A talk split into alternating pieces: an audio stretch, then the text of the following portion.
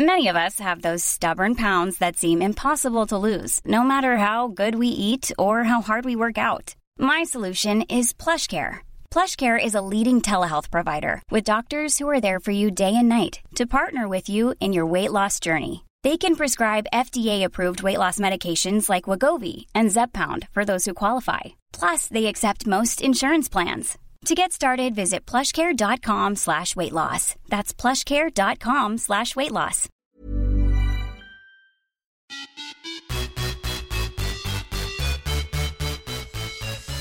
Hej och välkomna till podden Viss och Svärm on the run med mig Josefin Svärm och Sara Viss.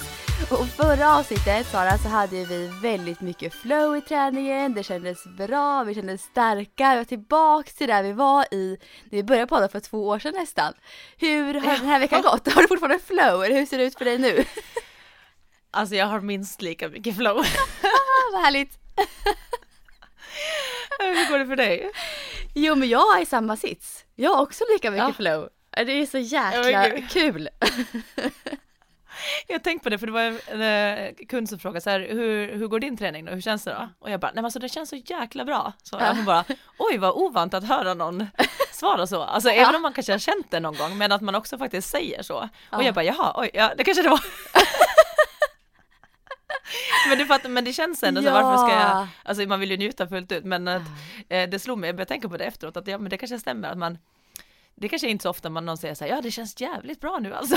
Nej man håller oftast igen för man är så rädd för att det nästa vecka ska vända, lite så. Ja, Tror jag att man känner. Ja. ja men precis, men jag är inne med på spåret så här, nej men nu njuter jag, det känns Ah, jättebra, så nu, jag njuter så länge det känns så. Och jag såg att du hade, du har sprungit 200 meter. Typ testloppaktigt eller vad var det för något? Ja, nej alltså det var inte helt testlopp, så det var Nej. inte så maxi maxi, men vi körde vårt eh, träningspass i torsdags där vi hade eh, likt det här, eh, vi skulle ha kört så här 120 meter igen, men vi var sen inne på Bosön och där vi vill springa på rak sträcka och inte liksom i den kurvade inomhusbanan. Mm. Så därför kortade vi av det så vi sprang 95 metrar intervaller. Och 95 bara för att jag tror den sträckan är typ 110 som man kan springa. Men man måste hinna bromsa in också, det finns ingen madrass eller någonting utan man springer in Ah, ute ja. i längdhoppsgropen typ. Så därför sprang vi, så vi sprang två stycken 60 metrar, och sen tre stycken 95 metrar. Och sen en 60 igen. Och då sa vi så här, den som vill så kan få möjligheten att även springa en, en 200 meter efter det. Och eh, de, de här skulle alltså gå upp mot 95 procent och det var det vi hade förut den där fantastiska dagen på stadion också. Så Mm. upp mot 95 procent. Så att det är ju ändå, framförallt när man har gjort alla de här andra loppen, även om vi har lång vila emellan, så är det ju ändå, eh, det blir ändå mer att man just det här verkligen tänker teknik och avslappning i och med att man gör så pass många lopp ändå. Mm. Men och då så, så, så vanligtvis så skulle jag inte ha avslutat med en 200, jag bara nej men det här räcker bra för mig. men då är jag bara nej men vet du vad jag kör? För att det där 200 är ju en sån där sträcka som är, som är läskig tycker jag. Mm. Eh, så att jag svarade typ snabbt vet du innan jag hann jag hann få en instinkt att uh, uh, usch vad jobbigt och sen bara och då bara ja jag kör. För jag bara jag måste ju, ska den här försvinna så måste jag ju börja gå på det igen. Jag kan ju Ja. inte fortsätta tänka så och inte göra något. Och, göra någonting. undvi- och Och så kändes- liksom. Ja, och så kändes det så bra efter den 120 på stadion, att det kändes som att första var mentalt värst, för att det var så här också, jag bara, åh, kommer jag orka hålla min höga, alltså 95% fart hela vägen, eller kommer jag liksom bara stumna helt på slutet, eller vad händer? Och då kändes det så bra, så då tänkte jag att det var, nu gör jag samma sak med 200, för om inte annat så kommer 120 kännas easy peasy Mm. nästa gång jag kör den. Och det gick bra. Jag eh, höll min avslappning och teknik och jag jublade när jag kom in över eh, mållinjen innan jag hade kollat ens på klockan för att jag jubla, jublet kom från att jag vågade, att jag gick ut hårt och att jag sen liksom eh, höll min plan om att här, jag ska våga springa snabbt men verkligen fokusera på att så här, slappna av, slappna av, slappna av samtidigt. Och det gjorde jag hela vägen så det kändes så tekniskt bra och att jag var stolt över att jag faktiskt, du vet, själva inställningen till det. Ah. Eh, så jag bara jubla och sen så, så kollade jag på klockan och så sa jag till eh, min jag bara ja, jublet var för känslan och att jag gjorde det, Mm. inte för tiden. Eh, för att den, den såg inte så snabb ut, tyck, tyckte jag. Men sen när jag sa det till, så då var han också, han bara, men kom ihåg att marginalerna 95% på en 200 meter, då skiljer ju det mer från maxtiden Mm, än vad det gör precis. på 60 meter. Mm. Så procentuellt så blir det ju mycket mera tid som Mm. är 95%. Och så då när jag tittar tabellen, då låg jag ju på 95% på 200 meter också av mitt, och det har jag inte ens, du vet, tränat. Så, Nej, vad så häftigt. jag låg ungefär på 95% av, Ja. ja. av den. Så att jag, tydligen så har jag ju liksom, ja, nej, det, ja, det gick förvånansvärt bra helt enkelt. Eh, och, men det var ändå så här skönt att jublet hade ju ingenting med tiden att göra, utan det var liksom bara för mig själv. Ah, men jag tänker så här, är det, är, det, är det bra för en 100-meterslöpare att köra 200 ibland? Eller är det, är det alltså, gynnar det 100-meterslöpningen eller är det, är det för långt att köra för mycket 200 Nej, jag skulle säga att det är bra, just Ja. om man också ändå har tiden att träna på det, att åtminstone göra det ibland, för att Mm. blir du bättre på 200, eh, så det kommer ju inte göra dig sämre på 100 om du, liksom, om du ökar din 200 meters prestation. Mm. Så det kommer ändå inte att ta bort din liksom top speed, däremot så kommer du att eh, kunna kanske bli uthålligare på 100 Mm. meter också, liksom att du är van med att spring, springa längre. Precis. Jag tänker för du, din styrka är vid starterna och svagheten är Mm. mer i slutet, är det så? På 100 meter? Ja. Ja, då kanske det är väldigt jag har för alltid varit väldigt Ja men precis, för att jag har alltid varit en, ett, en stark löpare, jag brukar tänka, alltså så här att jag Ja, är väldigt eh, stark och explosivt, så jag har väldigt fördel av det i startblocken och i accelerationen. För när du går från noll och ska trycka, alltså komma upp snabbt i fart, då har du en fördel av att kunna trycka mycket kraft i marken. Mm. Men sen när du kommer upp och är upprätt, då är, då är det så himla kort kontakttid, eh, som du säger, så du får ju inte ut samma kraft och tryck så som du gör i Nej, början. Precis. Så där Mm. handlar det mer om att komma upp i en hög toppfart och att kunna bibehålla fin teknik så att du håller ett bra steglängd. Mm. Eh, Medan när jag blir lite trött då på slutet, då blir också steglängden lite, du vet, det blir som att man lite, man nästan försöker öka frekvensen Ja. för att hinna med. Mm. Men att då tappar man i längd på varje steg och det Mm. gör större skillnad. Så här, kan man sträcka, alltså kan man få lite längre steglängd så gör det ganska stor skillnad. Mm. Och det är det de nu, alltså som Leon, min tränare, och som Mårten hade kommenterat också, att det vi tror är att jag har fått lite längre steglängd av Ah. någon anledning. Just det. Ah. Men det här skiljer ju lite från distanslöpningen. För där rekommenderar man Ja. oftast att man ska korta in steget när man blir trött. Så ska man korta in steget för att liksom orka Mm. hålla upp en viss fart. Så det här skiljer ju sprinten från eh, långdistans. Ja, precis, det blir liksom annan, det är ju inte liksom ett löpsteg och ett sprintsteg ser ju lite annorlunda ut, Mm. men det som där också händer om man, om man försöker liksom ta större steg och dra ut steglängden Mm. och är trött, Mm. det som är gemensamt med båda, eh, eh, eh, båda löpstilarna, eller vad man säger, eh, det är ju att man ändå alltid ska landa under kroppen. Yes. Ja. Så att det, det är det som blir så tydligt att det är sprintsteg då, du ska ta ett stort kliv, men du måste ju vara så snabb så att du ändå också hinner tillbaka och träffar under kroppen. Mm. Så tar man för långa kliv och börjar bli trött, då träffar man alltid lite i så fall framför.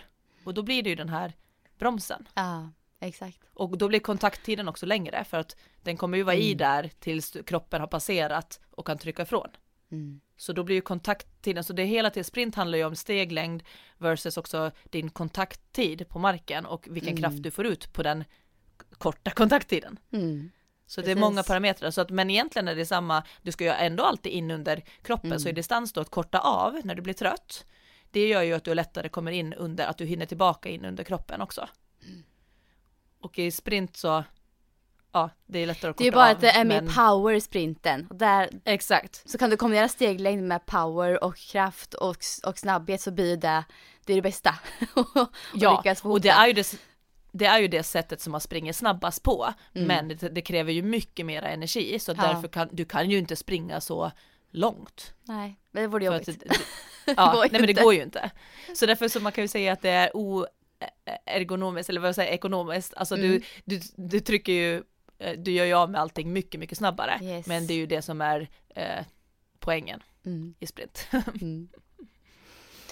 Mm. Ja men intressant att höra dig Sara snacka om det här då. Alltså 200 nu alltså. Det kanske blir fler 200 för dig.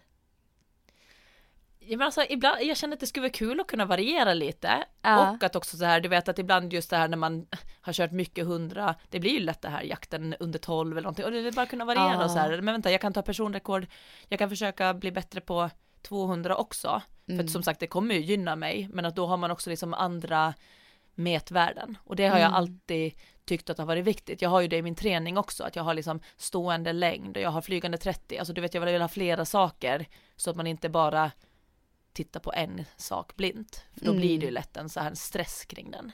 Det, där, det här känner jag också igen mig i, i distanslöpningen. Att jag varierar ju. Jag springer ju allt från 5 km till maraton kör jag. För att jag Ja. vill ha den här variationen. Och så vet jag att maratonträningen gynnar till och med 5 km och 10 km loppen också. Alltså det, det gynnar ju Exakt. varandra. Så att eh, det här känner jag väldigt väl igen i distanslöpningen. Jag skulle aldrig kunna tänka mig att ha bara en distans att springa. Nu har ju du 100 meter fokusera på, bara egentligen. I tävlingssammanhang har ju du det.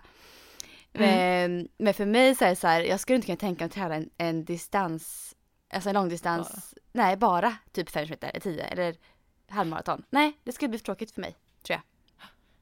Ja, jag tror att det är bra för ens också för att kunna se att det kanske är utveckling på andra plan än på Ja. just det som man alltid kanske vill ha utveckling på. Ja. Men att man kan säga så, okej det har inte gått framåt, men jag har gått framåt på det här, så att Ja. det händer ju någonting.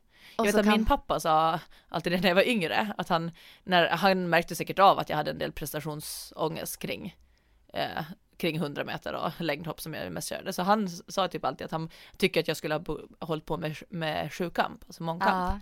Just för att få flera saker, du vet att där är det kula, det är häck och det är så många saker så att även om någonting går dåligt så är det ganska stor chans att något annat går bra. Mm. Mm, Och det precis. finns någonting i det som jag tror att Mm. passar mig. Och jag har lekt med tanken nu också den dagen när jag känner att jag inte vill satsa längre på 100 sprint eller när jag börjat sluta tro på att jag kan springa snabbare till exempel. Att eh, då tänkte jag, men det kanske är då det är dags att köra mångkamp Ja.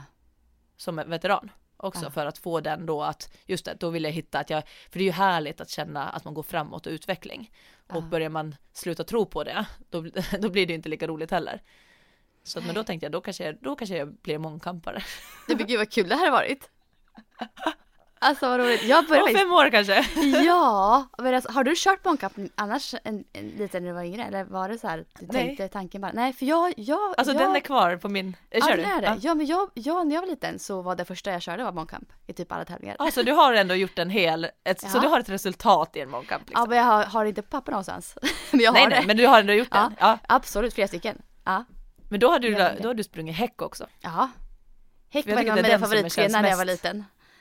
Jaha, Ja. jag tycker att det är den som har varit mest så här att jobbig att ta sig igenom en sjukamp. För jag Ja. tänker de andra grenarna kan jag ändå alltid göra. Alltså det är kula och spjut och en 800 alltså jag kommer ju igenom det. Mm. Men häck har alltid varit så lite läskigt tycker jag, för där är det verkligen, du måste ju verkligen hoppa, eller du ska Ja, springa det är över. läskigt. Alltså det, det är många tävlingar som jag har trillat kan jag säga. Ja. Över liksom. Eh, jag minns en tävling jätteväl där jag sprang eh, 400 meter häck. Jag körde ju lång häck också. Eh, så 400 meter häck körde jag en tävling. Eh, och så stod min tränare i sista kurvan där. Eh, jag skulle precis mot upploppet. Så låg jag väldigt bra till i tävlingen. Och så trillade jag precis framför hans ögon så här. Eh, och, så, och det jag sa till honom var så här. Nej, mitt tävlingslinne blir förstört.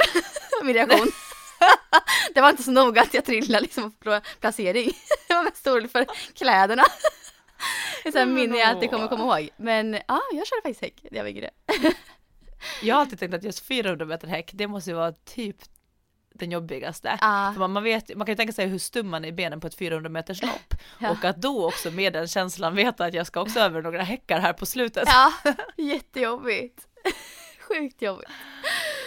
Ja men Ja. gud vad kul. Ja. Du körde. Ja nej men jag har, jag har den kvar på min bucket list och jag Ah. skulle verkligen vilja bara ha genomfört den så att jag liksom har fått en poäng. Man får ju olika poäng per grenar. Och sen spelar det inte så Mm. stor roll vad, vad den är. Men det är det som skulle vara kul också. Det är ett roligt sätt att tävla mot sig själv också i och med att det är det här poängsystemet. Så vet man så här, ja ja men missar man i någon så, så Exakt. det kanske går bra i någon Det är annan. inte kört Och ändå så, liksom.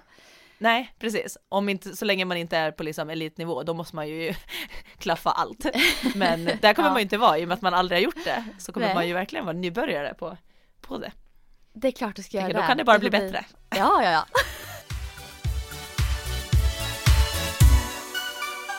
Du då, berätta. Jag är alltid nyfiken på dina uh, mördarpass. Ja, ja, jag har ju ja, ett pass jag ska berätta om här nu direkt tänkte jag. Eh, men träningen flyter på väldigt bra fortfarande. Jag hade ju, sa jag förra gången vi poddade, tror jag sa att jag sprang en sju mils vecka. Eh, nu kommer jag ner till eh, fyra och en halv mil istället veckan efter här. Eh, så att jag kör ju inte alltid sju milsveckor utan det kommer ibland lite längre. Eh, eh, ja, lite fler kilometer vissa veckor.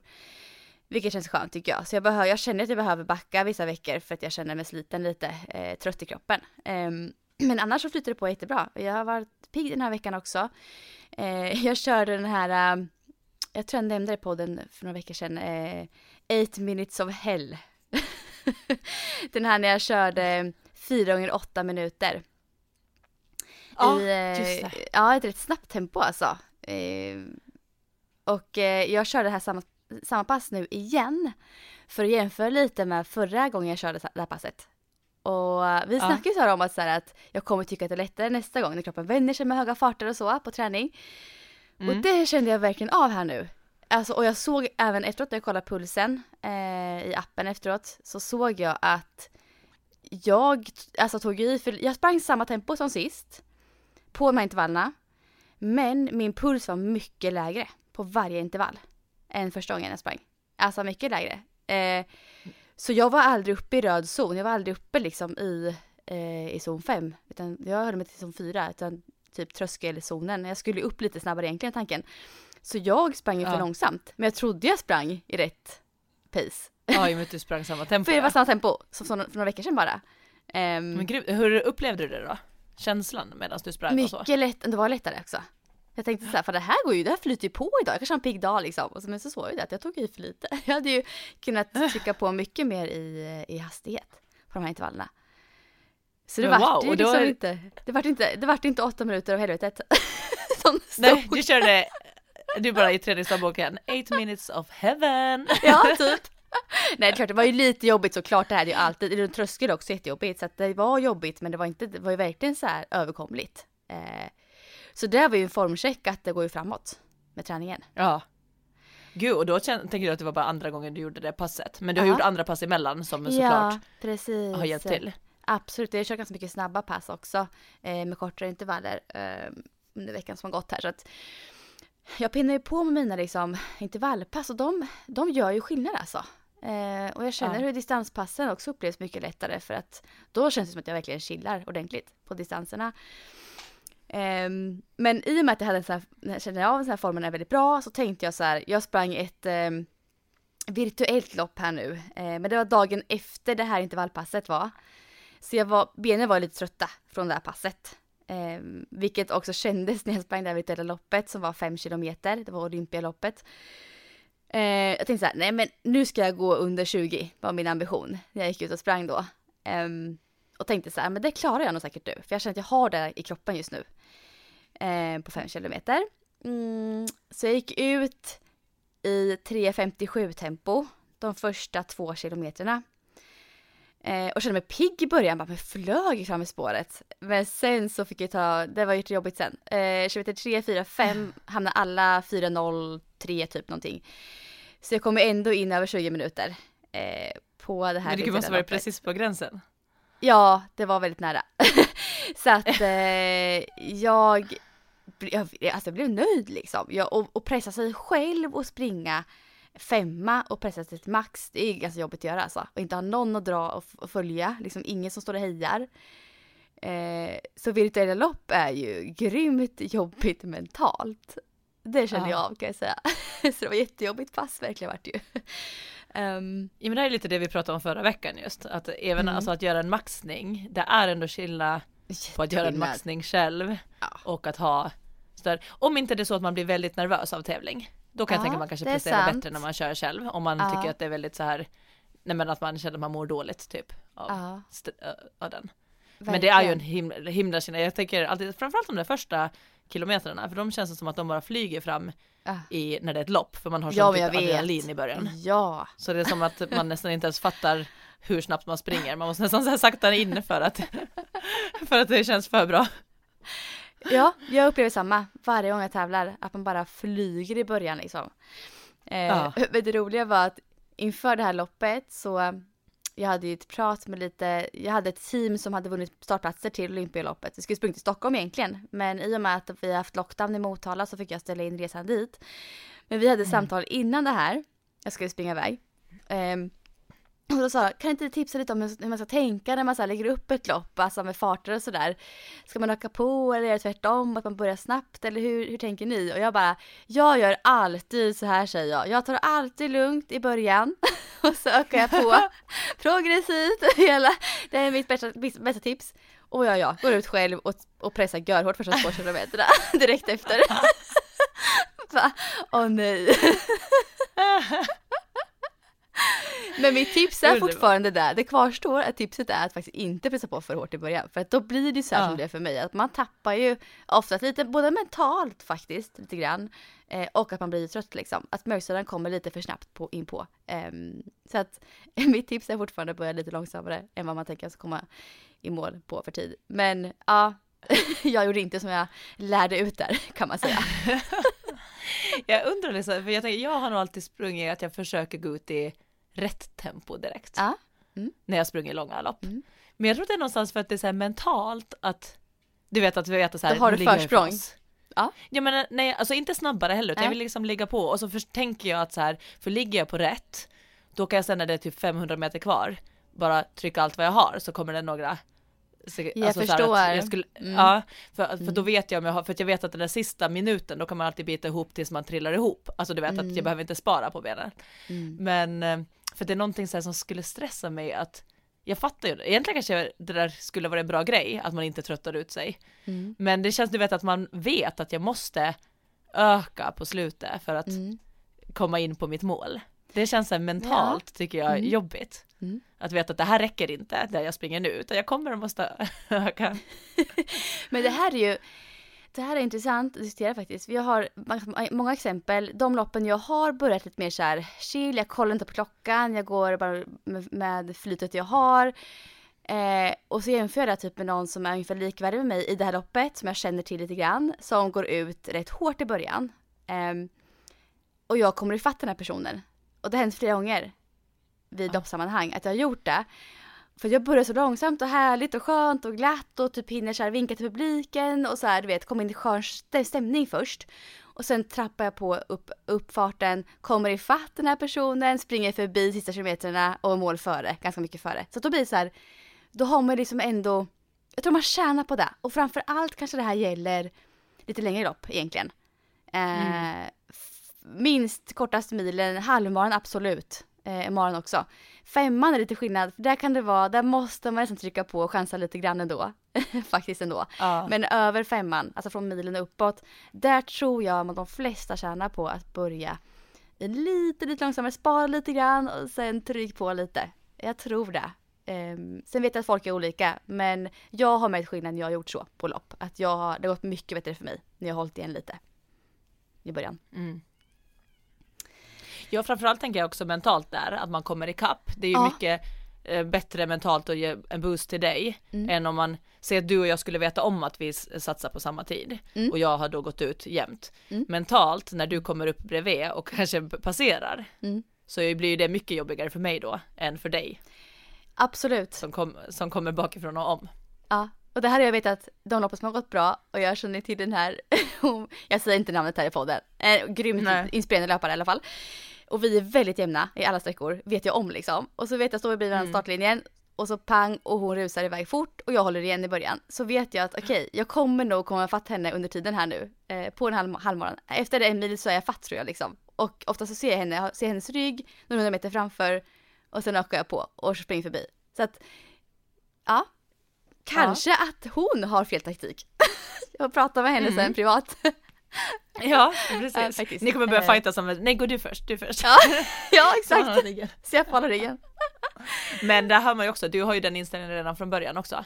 Ja. Att du tänker såhär, jag, jag har henne nog sen vid milen. Alltså, ja, ja. det tänker jag också att det är liksom en väldigt Man ska hitta någon sån och följa. Ja. Bästa tipset.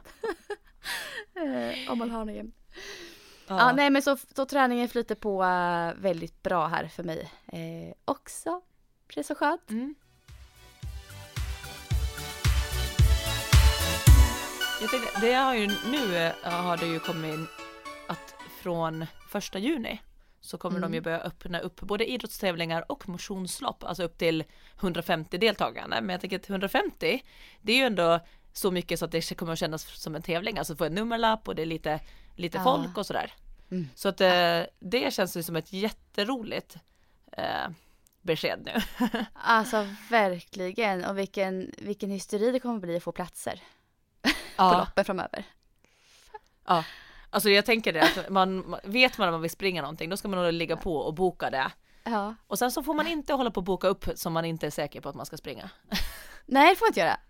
Nej, det får man Nej, inte göra. det- ta ingen plats du, Nej, bokar man då står man på startplatsen. Man får inte hålla på och reservboka massa pass eller massa tävlingar. Nej, nej, men väldigt kul besked ju att hålla på och vända lite. Eh, om man tänker Mm. här nu efter sommar så borde det ju, de flesta har blivit vaccinerade efter sommaren. Så att visst, vi är ju på väg mot lite ljusare tider troligtvis. på alla sätt och vis. Hoppas jag Ja. Ja men det kommer bli intressant att se hur det där funkar i praktiken för som sagt det kommer ju vara högt tryck, folk kommer vilja Ja. springa och jag tänker på idrottstävlingar också, vi pratade om det lite i friidrotten att eh, det är ju ändå ganska begränsat eh, med hur många, med tanke på hur många som friidrottar och Mm. också där det blir liksom, för man har diskuterat hur, för nu har det varit som att eliten får tävla Mm. eh, innan, alltså även nu får ju de ha elittävlingar eh, men inga andra och sen när man öppnar upp då, då är det så här, vem har förtur? Är det fortfarande eliten som har förtur? Eller är det juniorer som har tränat Mm. och inte fått tävla på snart tre år? Eller två år eller tre, alltså. Eh, Mm. och veteranerna känns det som har varit lågt prioriterade, att de ska få plats för tävling. Men där känns det också, de vill ju lika, de tränar ju lika hårt och längtat lika mycket också. Ja, Och att då blir det, det, det känns som att oavsett hur man gör så blir det lite diskriminering. ja, På faktiskt. vem- Vad svårt. För att, ja, det är ju lättare om man säger så här bara eliten. Mm. För att det, då finns det en lista som Ja. är liksom så här, det här är elitlistan. Som Och man kan, veta, man, ja. kan, ja, och man kan argumentera för det också, att eliten behöver få sina lopp. typ. Exakt. Ja. Så. Men där till exempel då, det, för jag, jag fick höra i alla fall att jag är med på den elitlistan för att den sträcker sig två år tillbaka. Ah, I och med att ja. folk tävlar ju inte. Så att nej. mitt 12.00 räknas som elit i Sverige. Ja, Så att jag yes. skulle typ få tävla. Och Ja. det är ju kul för mig. Men då tänker Ja. jag också då till exempel, jag då som har varit borta och kanske inte är riktigt på den nivån ännu, men jag är med Mm. på listan. Men så tar man juniorer som utvecklas jättemycket på två år, då får ju de inte ens en chans att visa vad de går för, för de får inte tävla, alltså förstår du? Nej, för att precis. De inte är på listan. Och då blir, Mm. alltså, det känns som hur man än gör Mm. så kommer det bli eh, fel. Eller så sen Mm. prioriterar man juniorer för att de är upcoming, men då får inte veteraner, fast de kanske har tränat ännu mer och eh, längt, längtat ännu mer kanske. Alltså de kanske vill mera Ja. än vad vissa, alltså. Mm. Så att eh, vi får se hur det fungerar i praktiken och jag hoppas att det kommer många tävlingar istället. Så att det liksom Mm. verkligen fyller ut och att, ja, att det kanske liksom är Ja, att alla, alla i alla fall hittar någon tävling eller några tävlingar att köra Mm. ändå. Ja. Jag tänker att man också får dela upp sig, Ja. men idag är det bara sprint till exempel på tävlingen. Mm. Och nästa gång är det bara kastgrenar, för då blir det också att alla behöver inte vara där till exempel. Nej. Utan, ja, nej, men det Ja, blir men- intressant att se, men ja. jättekul att veta att det kommer att kunna gå antagligen att tävla och få springa lopp. Ja, och jag såg ju att, eh, jag såg även att New York Marathon blir av i Mm. år. Ja, det För blir det. 33 000 löpare kommer kunna springa. Det är ganska många Oj! då. ja. Det, men det är november, så det är längre fram i tid. Ja, men det, det, de har sagt fram. att de har gått ut med att det blir av i år. Mm. Så det är liksom bestämt och satt nu. Ja. Så att eh, det börjar ju öppna upp alltså för stora lopp också. Framöver.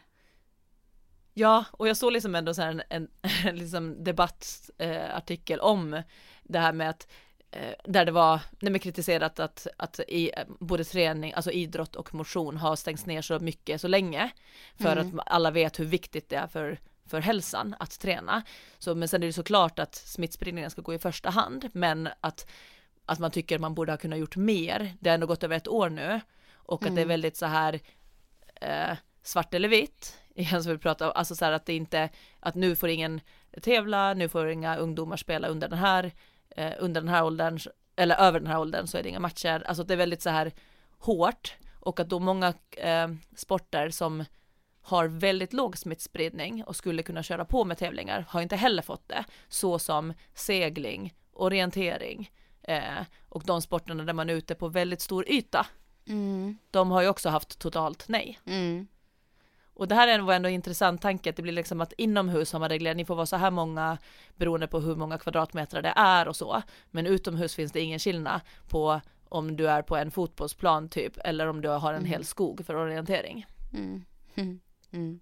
Så det var väldigt intressant sådär och samtidigt förstår jag ju att det är ett jättesvårt eh, läge för att smittspridning måste ju alltid gå först och att det är antagligen mycket att göra. Men det har ändå, nu när det har gått över ett år så börjar det ändå kanske vara prioriterat att se Ja, var, var kan vi lätta upp? Ja, För, menar, för även om det inte är rättvist så kommer det ändå Ja. vara, det behöver inte alltid vara rättvist utan det Nej. behöver ju vara smittspridningssäkert. Exakt, och då kan man alltid argumentera för det. Jag menar springa Mm. orientering i skog, som du säger, eller lång, Mm. långlopp, alltså traillopp, alltså utspritt med startfält. Det, det kan ju inte vara så farligt. Nej, Det är rätt Och att mer just här lagidrott när man är, det är också, jag tror inte att det är så tajt, utan det är väl mer problemet där med att man går in laget sen i ett omklädningsrum eller åker buss tillsammans, alltså det är Mm. mer sådana saker runt omkring som såklart blir problem. Mm. Men där ser man ju då individuell sportsegling, alltså åker dit med egen bil, det är, de har ju inte samma miljöer på samma Nej. sätt. Nej. Så att ja, nej, så jag var nog lite mer för att alla som kan få köra borde få köra även om det blir orättvist. Men man vill ju att så många som Mm. möjligt ska kunna röra på sig och som sagt hitta, göra det de mår bra av. Men Men vi får det se. Det här är i alla fall Ja. ett steg som gör en väldigt glad i och med att jag tänker att vi i alla fall känner ju, har ju väldigt det här kanske som en hjärtefråga just med träning och, och motion. Ja, absolut. Och så får vi verkligen hoppas då att det här också då visar att, att, eh, att det inte blir mer smittspridning trots att man har öppnat upp där. Det är ju det viktigaste. Ja. Ja, det känns lovande och väldigt bra i alla fall. Mm. Men på tal om lopp så såg jag också att Charlotta Fogberg, hon sprang över kvalgränsen på maraton igen för andra gången tror jag att hon gör det. När hon sprang Milano maraton. Hon kom in på 2.28.30 vilket var PB på över 40 sekunder. Och jag menar på den här nivån så är 40 sekunder väldigt mycket även fast det är ett maraton hon springer. Så Ja. det var ju riktigt bra jobbat. Hon är ju i en sån jäkla bra form alltså. Men Så är nu- hon då klar för OS om hon har klarat? Eller är Nej, det att hon, hon, vet väntar nog in? inte det. Hon väntar in svar från SOK nu. Ehm, men jag, jag tror och hoppas att hon eh, kommer få en plats i truppen. Där faktiskt. Det måste hon ju få. Hon Ja. är verkligen, om man har visat. Det där måste vara, för det är ju ändå, man, det finns kvaltider men sen måste man ju som sagt Mm. få godkänt från sitt lands olympiska kommitté. Mm, Ehm, exakt. och eh, det, det blir ju faktiskt konstigt om man klarar en gräns och inte får. Ja, och det här är också andra åka. gången hon kör. Eller hon klarar det Ja. Så att där tänker jag med extra grej att det kommer göra att hon kommer ta sig till truppen. För då visar hon ju verkligen Ja. så här flera gånger än en att hon verkligen är den formen.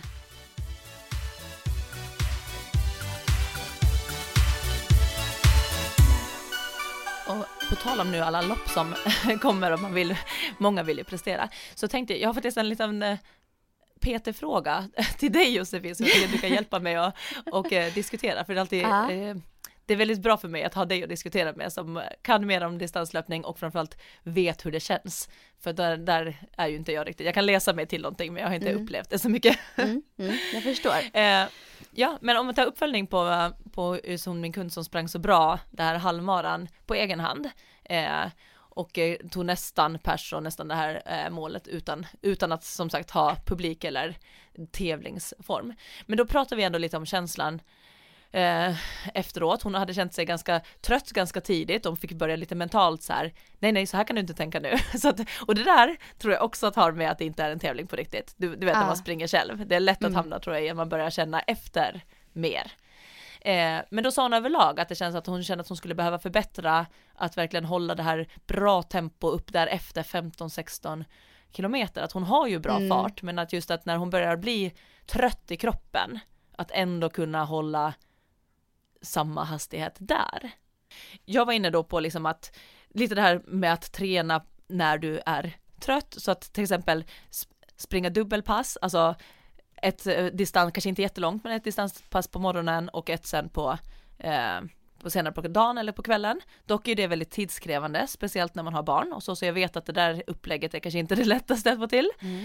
Eh, eller långpass ifrån att så där, hon brukar cykla från jobbet eller så att kunna då direkt efter man har cyklat ta en, dis, alltså en distansrunda direkt i samband med det så man förlänger tiden. Det var jag lite inne på Mm, så att man mm. tränar på att springa snabbt när man redan är lite trött, till, till, Ja. eller efter ett styrkepass eller så. Mm. Det var jag lite inne på, men jag tänkte om man, du kanske har några fler tips på hur man kan, ja det där, hålla farten uppe, tävlingsfart Mm. uppe, trots att man börjar Mm. närma sig ja, över 15. Om Det man nu satsar på ju- ett halvmara. Ja. ja, men jag tycker det tipset du gav var väldigt bra för att träna på att springa snabbt när man är trött är ju någonting som är väldigt bra där, absolut. Ehm, och så vet jag själv när man springer halvmaraton att vid 15-16 där, då kommer ju liksom det mentala in väldigt mycket också. Eh, så det är också att träna på att springa så långa distanser och, spring, och springa lopp också, vilket man inte har kunnat göra nu. Det är också en sån grej att träna på att springa långa lopp. Det kommer stärka pannbenet väldigt mycket. Eh, och även korta typ 10 km lopp är också jättebra. Och 5 också för att bara stärka pannbenet. Att du, att du klarar av att hålla det här ända in i mål. Mentalt. Hålla ihop. Det är så här, Mm. det går att träna på verkligen. Om man tävlar. Ehm, men också det här liksom att jag vet inte hur långt hennes längsta långpass är idag. Eh, men en grej kan ju vara att kanske öka på kanske ännu mer på långpasset. Det längsta långpasset hon kör. Eh, och köra verkligen jättelångsamt men ligga ute och nöta lite, lite längre. Det kan vara någonting som skulle kunna trappa upp lite i framtiden. Ehm, för det märker jag skillnad när jag tränar inför långa lopp. Att har jag fått till mina långpass och då, ganska långa långpass. Då känner jag väldigt stor skillnad när jag väl springer på tävlingsdagen. Att jag känner verkligen de här, de här passen gav mig verkligen det här. Det här gjorde att jag verkligen kunde prestera ända in i mål. Så verkar tänka på att långpasset är väldigt viktigt i träningen. Ehm, och sen också att träna på att springa snabbt när man är trött. Det kan man också göra genom att man lägger in, som jag tycker om att göra, alltså fartökningar eller snabbare delar liksom i långpasset. Och oftast gör man ju det kanske längre fram in i säsongen när man närmar sig tävlingarna. Så brukar man liksom addera, eh, även i försäsong men framförallt när man närmar sig det här nu vår, sommar, att man kör långpass ibland som är rätt tuffa alltså. Du, som jag körde för några veckor sedan när man lägger in, tre, lägger in tre fartökningar i mitt tvåmilspass. Som var ganska långa. Jag körde tre kilometers inslag, tre stycken i mitt långpass som var lite långsammare än tröskel för mig, eller tröskelfart ungefär för mig. Eh, där tränar man ju pannben. Man tränar verkligen på att tra- alltså, trippa på, springa på fast man är lite seg. Har du sprungit liksom 15 kilometer och ska göra en fartökning på 3 kilometer, då är du ganska trött i benen. De är rätt stumma. Men då tvingar kroppen att trycka på där, mentalt hålla ihop. Det gör ju också att man kan bli förberedd inför loppsammanhang som liknar det. Att man håller ihop ända in i mål. Ehm, så lägga in som sagt lite snabbare ökningar i de långa passen. Eh, det skulle jag verkligen rekommendera. Jag har hört också Anders Alkaj säga massor gånger, han gör så i sina program vet jag också, att han lägger in fartökningar i långpassen. Eh, framförallt han gör det på maratondistanserna, men det här tycker jag även gäller eh, halvmaran. Absolut eh, att man gör det. Så det är väl mina bästa tips där. Mm. Men, ja, jag, ja, mm, Men, men hur långt skulle du säga, ja, och om du säger också längre långpass. Ja. Om man tar till ett halvmara, vad skulle Ja. du tycka att det är, är det lite att öka på till längre? Jag tycker att eh, 25 kilometer tycker jag. Ja okej, Man så kan- över tävlings Över tävlingsdistansen på halvmaraton. Mm. Ja, det tycker jag. Eh, på maraton blir det svårare, för maraton är så himla långt. Och då sliter Ja. det extremt mycket på kroppen och ligga och köra över 42 på träning. Alltså det har jag aldrig Ja. gjort. Det, kan, det gör ju säkert eliten, men jag, en vanlig motionär, gör ju inte det. Det sliter Nej. för mycket. Men just inför halvmaran så kan du faktiskt öka på och det är bra att springa längre än tävlingsdistansen. Eh, på de Mm. längsta långpassen i schemat. Det gäller ju inte i början på perioden, träningsperioden, men det gäller liksom lite längre fram i schemat. Så tycker jag absolut du kan lägga dig, du ska lägga dig lite över eh, tävlingsdistansen. Om du verkligen vill satsa, det är där, alltså är du, det beror på vart man är som motionär också. För att 25 kilometer är ju också en väldigt lång distans för väldigt många. Mm. Men skulle jag prata för mig själv så, så ligger jag min träning inför halvmaraton så ligger jag över, absolut, absolut över liksom eh, distansen på träning. Eh, på vissa långpass gör jag absolut det. Ehm, men jag tänker typ om jag skulle jämföra det, typ säg att min sambo Stefan skulle springa inför ett halvmaraton. Då skulle inte jag rekommendera honom att springa 25 kilometer på träning. Eh, inte den närmsta fyra månaders perioden för han har inte den bakgrunden. Nej. Så här beror det ju ändå på vart du är i träningen och vad du har för bakgrund. Precis. och vad målet är. För jag tänker också, Ja. är det så att du ska springa ditt första halvmara, då behöver du Ja. absolut inte göra det. Nej det tycker inte jag. Då kanske det räcker att vara upp till 18-19 innan, några Ja. veckor innan. Jag tror det För då sliter för kommer du att klara det. Absolut. Ja. Ja. Och, eller, och där fortfarande kanske, jag, jag skulle nästan hålla den regeln också om du har som mål att springa, men typ där under två timmar, alltså då, det- Ja. Mm. då kanske du fortfarande Mm. liksom inte har så mycket löpvana Mm. så att du behöver börja springa så jättelånga för att springa 25-30 kilometer det kommer ta för lång tid Absolut. för dig. Men Det här- hon här ska ja. vilja under, en, under 1,40 så Mm. att det här blir ju ändå Mm. ganska Alltså det blir ändå inte tre timmars pass för henne ändå. Nej, men säg att hon lägger sig typ 22-23 i alla fall kilometer. Tänker jag. Kanske för henne. Eh, då kommer hon i alla fall över distansen. Och hon har mentalt det med sig att hon sprungit längre än det hon tävlar i. Så hon vet att hon klarar av hela vägen in i mål. Hon vet det, garanterat. Mm. Så hon kan öka på, men verkligen jättelångsamma pass. Du jogga, verkligen jättelångsamt. Låg puls hela vägen. På de passen. Som Ja. är så långa. Mm. Bra, tack för tips. Ja. ja men det är ju, och så är det ju som sagt Sara så olika beroende på vart man är någonstans i träningen. Så det är viktigt Mm. att tänka på såklart. Eh, men, hon hon, absolut satsar ju fixat det. liksom. Ja, det, det, Ja. ja. och att hon är, nej men alltså hon är väldigt stark och jätte, jättefint löpsteg och väldigt, ja, Ja. Mm. nej, så att hon hade absolut fixat det, Mm. ut, det utan problem. Mm. Mm. Gud vad härligt. Ja, det är så kul att snacka om hur, vad- alltså andras mål. Eh, och hur man kan liksom forma lite träningen efter det. Ja, och att våga väldigt- sätta målen också. Jag var på Ja. henne lite där men också för att vi hade ju pratat om att vi tror att hon kan Ja, springa på 37 för de bara, tror du verkligen det på riktigt? Jag bara ja, jag tror det. Alltså jag tror också det. det är absolut. Och kan hon få till det sista här nu då, från 15 och fram in i mål så kommer hon ju verkligen prestera det och i tävlingssammanhang. Ja, Med publik, med påhejningar. Ja men gud, ja hon klarar det. Mm. Ja.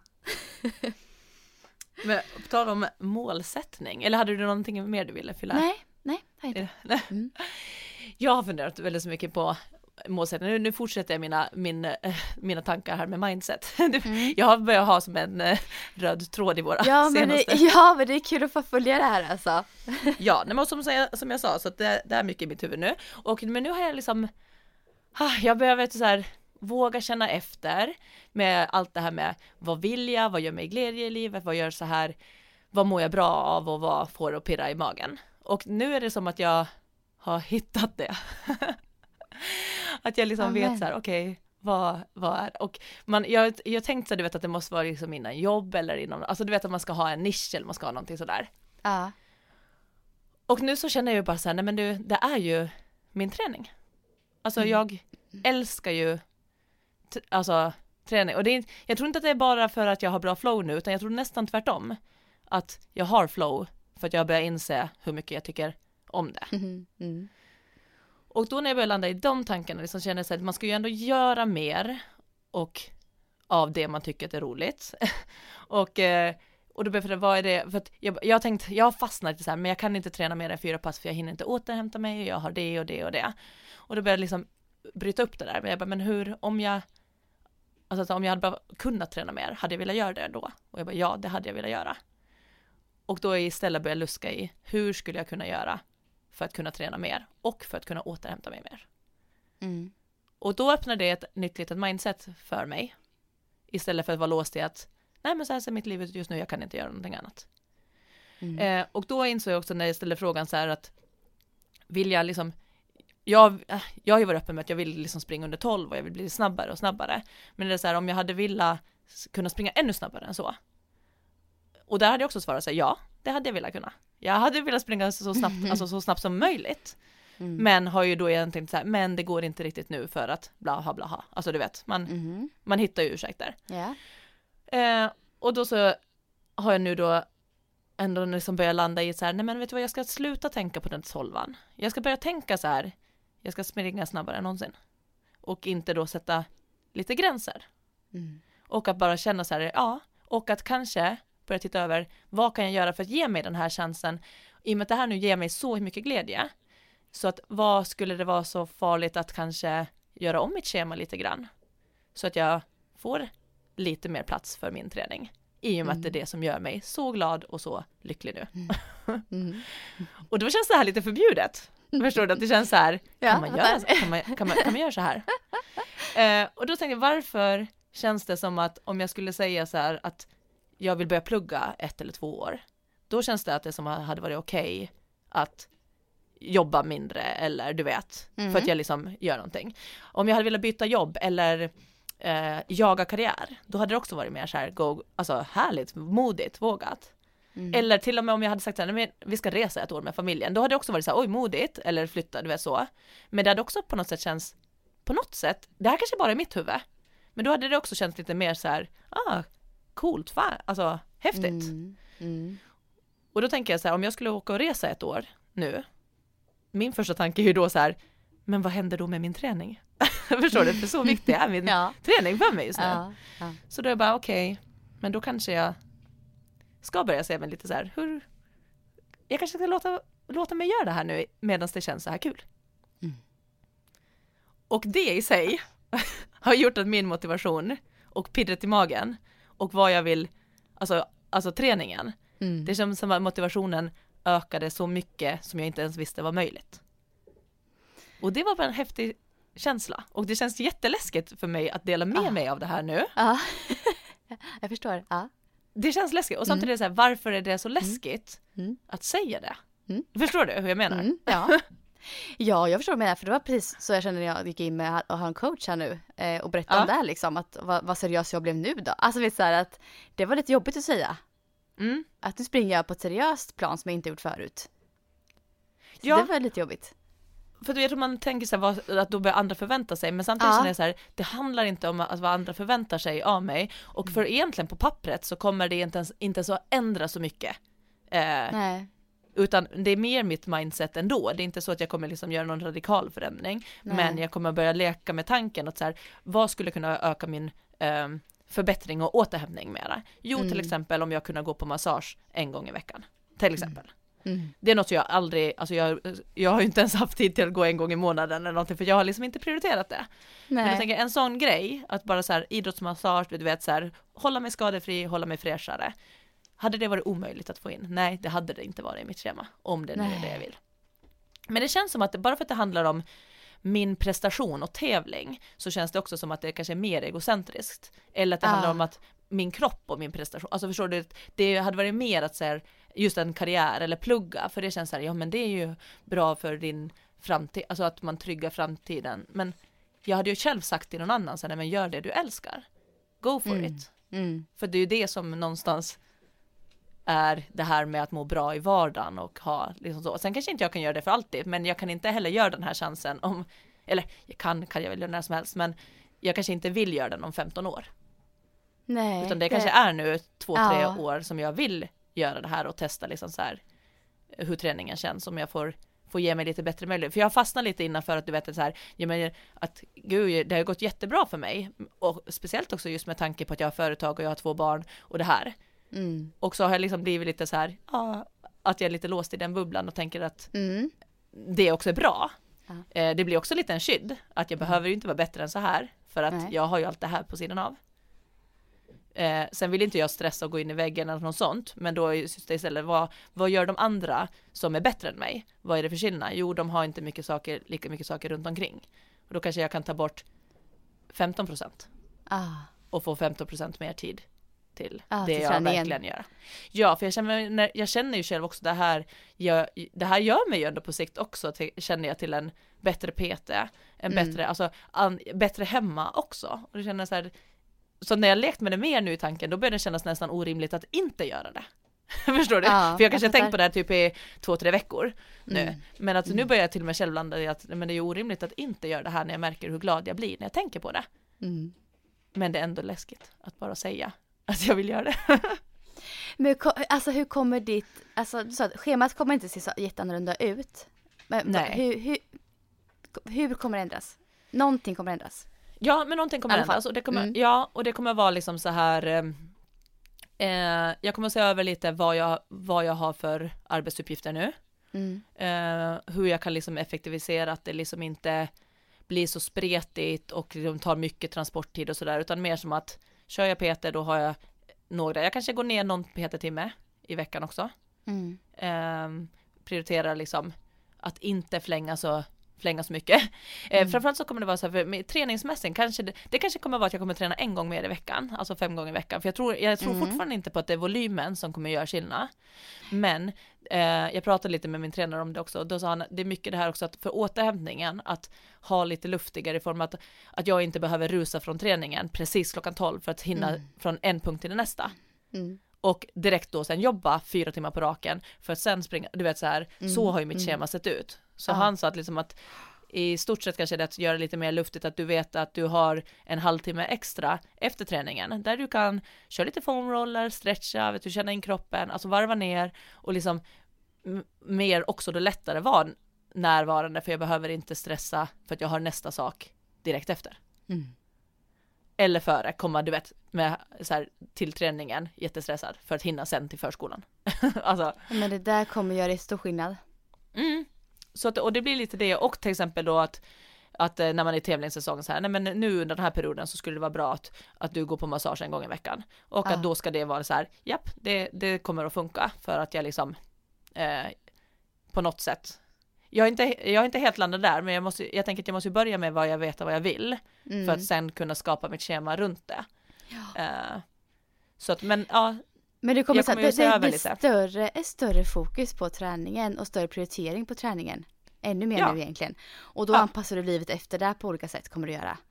ja, Det är så Precis, här, för nu har det varit- mm. det har varit liksom så här, familj är liksom högst prioriterat och sen har jag haft jobb och sen har jag haft träning. Mm. Och nu känner jag att jag vill kanske flytta upp träningen nästan ovanför jobb. Det betyder ju inte att jag ska göra ett sämre jobb. Det kanske Nej. bara att jag ska göra lite mindre tid på jobbet. Eh, och sen i sin tur vad det betyder, det kan ju också vara till exempel att jag kör PT small group istället för en vanlig PT, att jag byter ut någon tid till det för att jag får in flera kunder på det och kan ändå vara där. Men istället för att, se att jag kanske tar, tar bort två PT till det och sätter en grupp Mm. eller PT-par så blir det ändå liksom att folk får kanske träna men jag kommer att effektivisera mitt schema. Mm.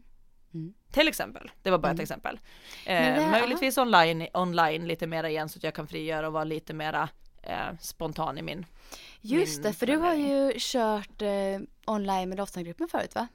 Ja, och det här, jag ska inte säga att jag ska börja göra utan det var tankar. nej. Men det är Ja. till exempel också ett sådant sätt att, att eh, justera om. Men det har jag gjort förut och jag har inte kört online på senaste två, tre åren och jag vet inte om det är det jag landar i att jag börja göra igen. Men jag måste åtminstone börja fundera kring Mm. olika alternativ som skulle kunna göra så att jag kan eh, satsa på friidrotten lite. Alltså ge, ge, ge mig bara lite mera tid för den. Mm. Mm. Ja. Det här låter ju jättebra Sara. Och jag tänker liksom, ja men det här att man liksom bara inställningen i det här. Du, bes- eller du bestämde dig för att du ska satsa mer på träningen och då ser du till att det löser sig med livet. Mm. För det gör det då. Ja, och, precis, och det, det på sikt tror jag att kommer smitta, för det är så det känns de senaste veckorna, att det kommer smitta av sig också. Ja. Att när jag får göra det här och känner mig, du vet, Exakt. jag har flow och, Mm. och driv, Ja. då känns det också som att när jag går in och typ, när jag jobbar administrativt nu så känner jag mig så effektiv, för jag vet så här, gör jag det här effektivt, du vet, alltså det känns som att allting får ett tydligare syfte. Och det här Mm. tror jag att det är väl lite det här, att Mm. du ska veta ditt varför. Ja. Men jag, jag eh, har inte kommit till att mitt varför skulle vara att, eh, att låta friidrotten ta större del. Mm. Men nu när jag tänker på det, då känns det som att allting, även så här med typ kostval eller att gå och lägga mig tidigare på kvällen, Mm. när jag bara börjar tänka så här, vet du vad, det skulle göra mig lite bättre på träningen imorgon om jag prioriterar att gå och lägga mig klockan tio. Mm. Och då vill jag typ göra det. Och eh, då liksom, ja, nej men så att jag, jag, jag ska börja nysta i det här nu. Och så Mm. ska vi se var det, eh, ha, vart det hamnar.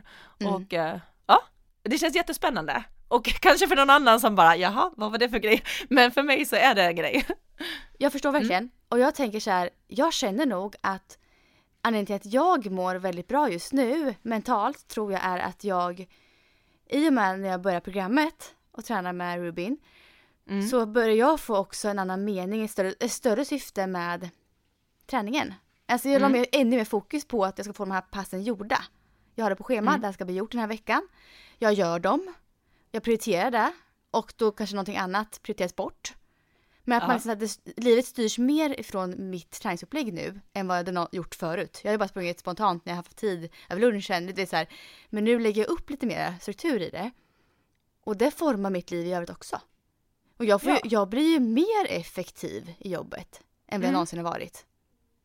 Så jag, egentligen så, jag tappar inte så mycket arbetsmässigt heller. Jag håller kvar den nivån. Fast jag blir mer effektiv i jobbet. Ja. Men exakt, det är lite det jag har förhoppningar också. Därför vill jag inte säga ja. exakt hur jag ska jobba nu. Nej, För att, för jag att fattar. eh, jag vet inte, men nej. jag ska börja se över för att jag det blir ju lätt att man gör så som man har gjort de senaste åren. Ja. Och nu vill jag bara liksom börja se vad som händer och kan jag vara mer effektiv? Kan Ja. jag köra mer i ett annat format? Kan Mm. jag köra alltså mer utom öfysen till exempel, du vet den är ju hemma Mm. på gården. Den har varit en Ja. jättestor grej redan Smidigt nu alltså. känner jag. jag. Jag tjänar ju 90 minuter på alltså att inte åka in till jobbet. Ja. Det är 90 minuter, det är 45 per väg. Mm. Och att eh, nu har det varit bra på så sätt, jag märkte ju av coronan har ju varit att jag har också bara varit där tre dagar i veckan. Och det Mm. hade jag kanske tänkt sen öka på till hösten, men det kommer jag nog inte att göra.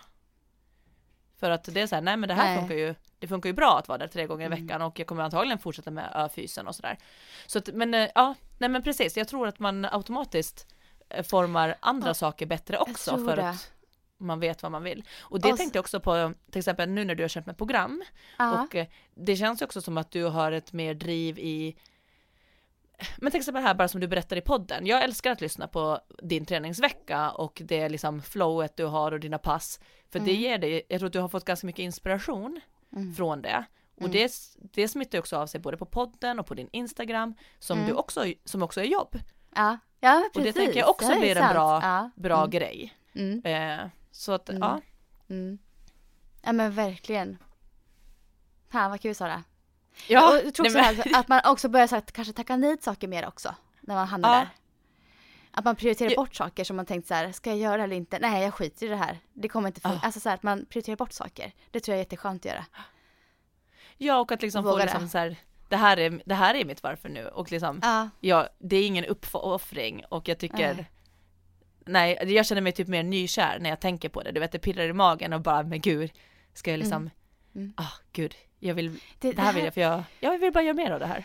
Jag tror är så här att alltså alla människor skulle må bra av att ha ett specifikt fokus. Det har vi sagt förut i podden. Men verkligen ha ett fokus i livet som inte är kanske familjen och jobbet.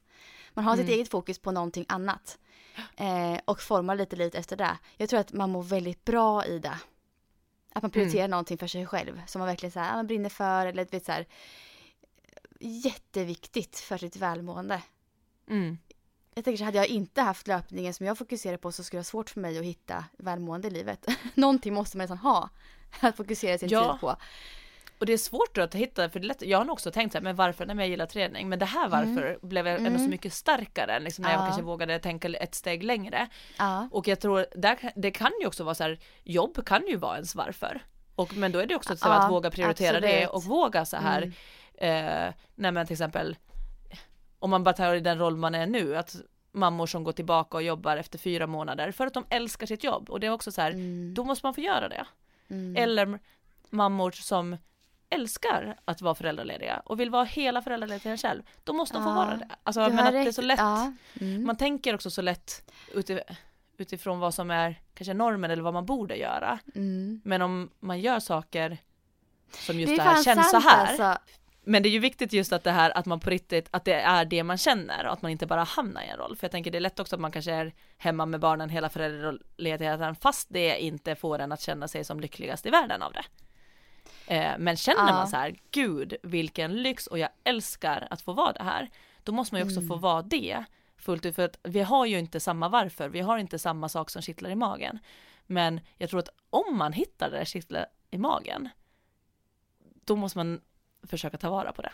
Oavsett Mm. vad det handlar om. För jag tror att det gör ju ändå att det sprider av sig ins- inspiration och motivation och man blir glad och mår bra än om man aldrig gör det där som kittlar i, i magen. Då tänker jag att det är risk att man nästan istället blir bitter på lång sikt, kanske. Ja, och jag absolut, jag känner att du har rätt i det här att det kan, det kan ju faktiskt vara familjelivet eller jobbet också Mm. egentligen. Det är bara inte det för Ehm, dig och mig, Nej, kanske att det men är det det kan som vara det, kittlar i magen. Exakt, Ja. men det kan absolut vara. Och Ja. att, eh, och, det- och, eh, men, och det kan jag också tänka att skulle vara i dagsläget, att säga, du vet så här, och bo, båda de punkterna, att vilja gå tillbaka till jobbet så fort som möjligt, känns som en sak som sticker i ögonen på många. Mm. Att ta hela föräldraledigheten, det går också lite mot att man, du vet, idag så är det ju bra om man är jämställd. Mm. Mm. Men att faktiskt våga gå utanför det här så som det borde vara ifall att det finns ett inre, inre driv som ändå så här, det här vill jag göra. Mm. Det Så att, ja. Mm. Men det är det jag tycker att det är svårt att känna efter när det går utanför normen. För jag vet, Ja. jag känner ingen som i min ålder har börjat jobba mindre för att satsa mer på sin idrott. Jag känner ingen. Nej. Nej. Och därför tror jag att det blir en stor grej för mig, för det känns som att så här ska man inte göra. men jag känner att jag vill göra men- det. Ja, då ska du göra det Sara. Ja. Det var roligt. Alltså, ja. Och sen som sagt, det kommer inte ändra sig jättemycket, men det har ändrat Nej. saker i mitt huvud. ja, det är det. Och det är det Mm. som kommer kanske också göra skillnad. Nu, jag tänkte att vi ska hoppa in på veckans bästa. Ja, du får är köra det här, först. ja, ja, ja, ja. Mm. Ehm, nej men jag tänker att vecka, mitt veckans bästa det är ändå mitt virtuella lopp som jag sprang, eh, Olympialoppet. För att det var länge sedan som jag liksom eh, pressade mig så mycket på en viss distans eh, och testade mig så. Så att eh, alltså känslan efteråt när man ändå har gjort det är alltid så jäkla god. Så jag Mm. tar med mig mitt virtuella 5 km lopp här i veckan som jag körde som veckans bästa. Titta. Sara. Ja, jag har både den här 200 meters loppet, den hängde ihop med det här mindsetet som jag har. Ja. Du vet också, du vet, Mm. jag vill, jag vill ta tag i de här hjärnspökena också för att de Mm. hämmar min utveckling. Mm. så de hängde ihop med det, så min 200 är eh, veckans bästa ihop med också såklart att jag börjar ha landat i det här, i mitt varför Ja. vad som ger mig glädje. Och det känns Mm. otroligt eh, roligt. Och sen, jag tyckte det var så kul när jag skrev min 200 på Instagram att jag hade gjort den Ja. och så.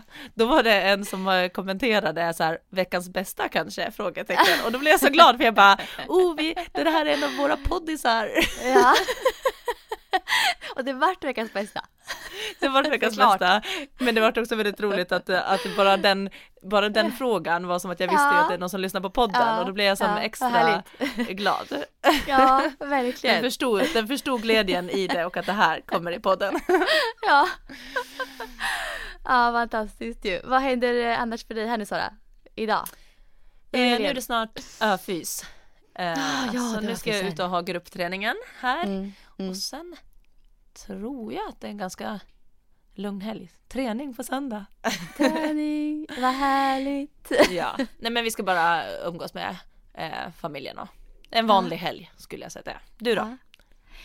Ja, alltså jag, vi, vi ska göra, vi ska ikväll så ska vi skriva kontrakt på ett hus. Nej men, och det släpper du Jag nu! är så glad för det kan jag säga. Gud, det här är jättestort.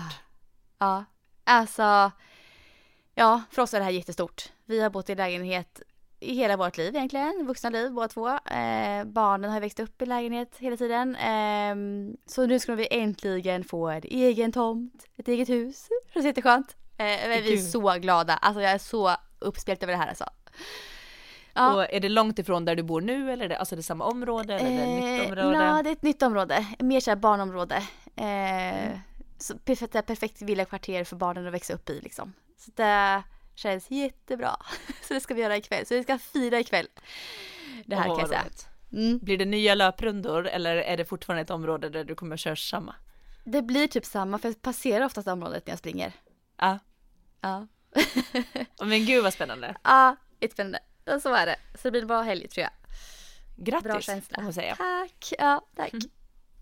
Eh, ja, men vi önskar väl alla lyssnare också här nu en eh, fin vecka framöver. För ni lyssnar ju på söndag tidigast här, så ni har ju veckan framför er här Mm. nu. Mm. Och ha det så bra. Ha det så bra allihopa. Det här Hej då! Hej då! Bra. Lägger på.